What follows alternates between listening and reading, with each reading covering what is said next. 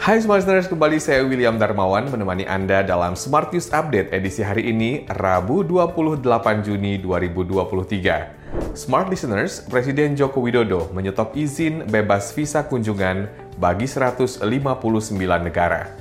Kebijakan itu diambil sebagai hasil evaluasi yang tertuang dalam keputusan Menteri Hukum dan Hak Asasi Manusia. Aturan itu juga menjelaskan bahwa dalam keadaan tertentu yang berkaitan dengan keamanan negara dan kesehatan masyarakat, Menkumham dapat menghentikan sementara kebijakan bebas visa kunjungan. Berita selanjutnya, pemerintah melalui Kementerian Ketenagakerjaan menegaskan tidak ada pemotongan upah atau gaji bagi pekerja swasta yang mengambil cuti bersama dalam perayaan Hari Raya Idul Adha tahun ini. Hal tersebut diatur dalam Undang-Undang Nomor 6 Tahun 2023 tentang penetapan peraturan pemerintah pengganti Undang-Undang Nomor 2 Tahun 2022 tentang Cipta Kerja.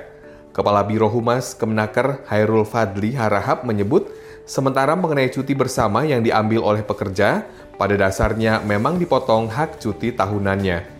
Berita terakhir, para pelaku industri tekstil dan produk tekstil di tanah air harus memutar otak untuk bertahan. Pasalnya, mereka berhadapan dengan rendahnya permintaan ekspor akibat perlambatan ekonomi global dan rendahnya daya beli dalam negeri akibat banjir barang impor.